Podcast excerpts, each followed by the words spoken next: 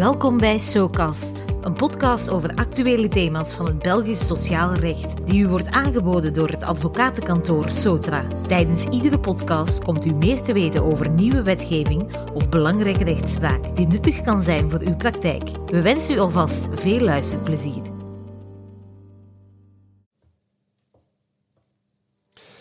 Hallo, mijn naam is Karel de Vloo, advocaat bij het advocatenkantoor Sotra. Ik heet jullie graag welkom voor een nieuwe aflevering van SoCast, een podcast over arbeidsrecht. Ditmaal met Marianne de Waarzegger.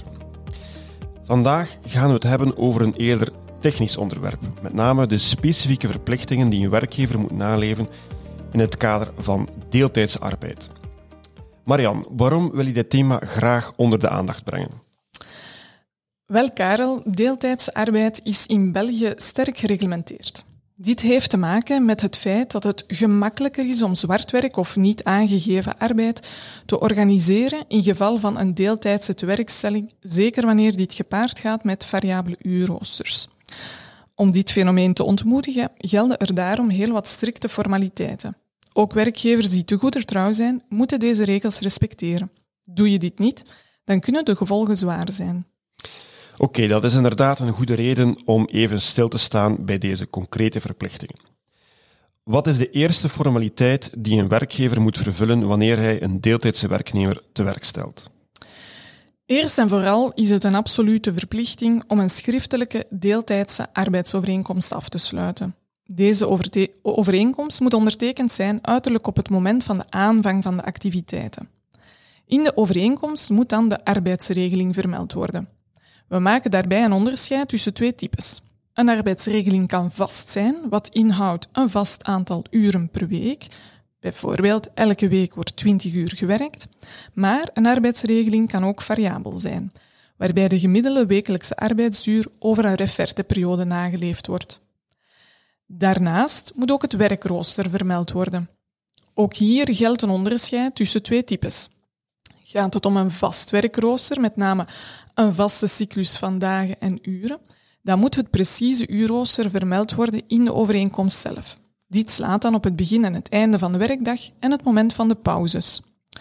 Gaat het om een variabel werkrooster, waarbij de dagen en de uren van de werkstelling niet op voorhand vastliggen, dan moet er verwezen worden naar het arbeidsreglement waarin de regels vermeld staan in zaken de wijze waarop de uurroosters bepaald en meegedeeld worden. Je gaf aan dat het opstellen van een schriftelijke overeenkomst een absolute verplichting is. Wat gebeurt er indien deze formaliteit niet correct opgevolgd wordt? Wel, volgens de arbeidsovereenkomstwet kan de werknemer dan vrij kiezen tussen de deeltijdse uurroosters die binnen de onderneming gangbaar zijn. De werknemer zou met andere woorden het uurrooster kunnen kiezen dat hem het beste uitkomt. Nu, in de praktijk heb ik het wel nog nooit meegemaakt dat een werknemer zich effectief op deze bepaling beroepen heeft, maar het is in theorie dus wel mogelijk. En wanneer de werkgever deze formaliteit correct naleeft, heeft hij dan al zijn uh, verplichtingen vervuld? Nee, zeker niet.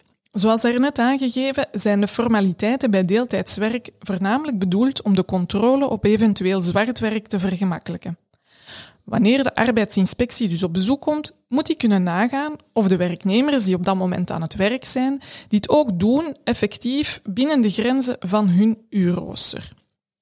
Daarom moet de werkgever een kopie van de deeltijdse arbeidsovereenkomst, eventueel elektronisch, ter beschikking houden op dezelfde plaats waar ook het arbeidsreglement kan geraadpleegd worden.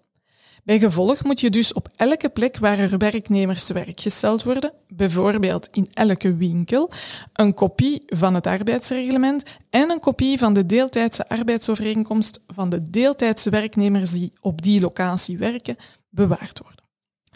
Om redenen van privacy is het wel belangrijk dat deze contracten niet zomaar door alle werknemers kunnen geconsulteerd worden. Ofwel wordt enkel een uitreksel van de overeenkomst met de informatie over de uurroosters daar bewaard, ofwel moet je ervoor zorgen dat die overeenkomsten niet zomaar door iedereen kunnen ingekeken worden. En hoe zit het dan met de publiciteit van de uurroosters van werknemers met een variabel uurrooster? Voor deze werknemers geldt in de eerste plaats dat hun individuele uurrooster hen moet worden meegedeeld via een gedateerde schriftelijke mededeling. Volgens wet moet dit in principe vijf werkdagen op voorhand gebeuren. Binnenkort wordt deze termijn in het kader van de zogenaamde arbeidsdeal zelfs, zelfs op zeven werkdagen gebracht. Deze mededeling van de individuele uurroosters, of een kopie van die mededeling, moet eveneens schriftelijk of elektronisch kunnen geraadpleegd worden, opnieuw op de plaats waar ook het arbeidsreglement kan geraadpleegd worden. De werkgever moet deze mededeling bovendien minstens een jaar bijhouden nadat de periode waarop de mededeling betrekking heeft verstreken is. In de praktijk stellen we evenwel vast dat er wel eens wat wijzigingen gebeuren aan de deeltijdsuurroosters. Bijvoorbeeld werknemers wisselen een dag, ze blijven wat langer of starten wat eerder. Hoe moet de werkgever dit documenteren? De werkgever moet deze wijzigingen bijhouden in een register. Het gaat om een document waarin alle afwijkingen op de gepubliceerde individuele uurroosters vermeld worden. In principe gaat het om een papieren document met de volgende vermeldingen. De naam en de voornaam van de werknemer, de datum van de afwijking.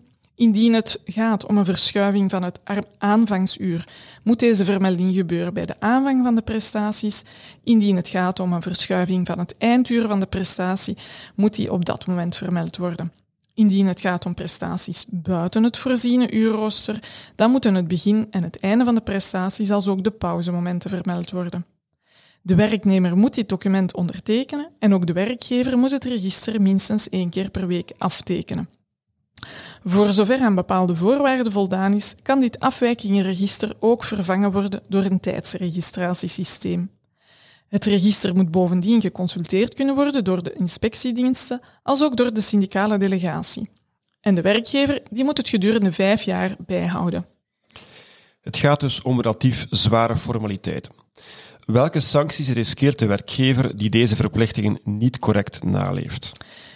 In de eerste plaats riskeert de werkgever strafsancties die voorzien zijn in het Sociaal Strafwetboek. Dit kan dan gaan om strafrechtelijke of administratieve geldboetes die bovendien vermenigvuldigd worden met het aantal betrokken werknemers. Daardoor kunnen deze boetes al snel oplopen tot vele duizenden euro's. Bovendien riskeert de werkgever ook om bijkomende sociale zekerheidsbijdragen te moeten betalen. Er geldt immers een wettelijk vermoeden dat de werknemers voltijds te werk gesteld zijn indien de werkgever de publiciteitsvereisten niet correct naleeft. De RSZ kan dan ook bijkomende bijdragen vorderen op basis van het fictief voltijdsloon van de deeltijdse werknemers.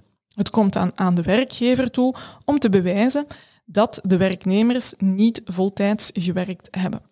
Het is dus duidelijk dat het niet naleven van deze transparantieverplichtingen omvangrijke financiële gevolgen kan hebben. Bedankt Marian, we zijn dus gewaarschuwd. Dank voor het luisteren en tot snel voor een nieuwe aflevering van SoCast. SoCast wordt u aangeboden door Sotra, een advocatenkantoor gespecialiseerd in sociaal recht voor de private en publieke sector. Surf naar www.sotra.be voor meer informatie over onze diensten.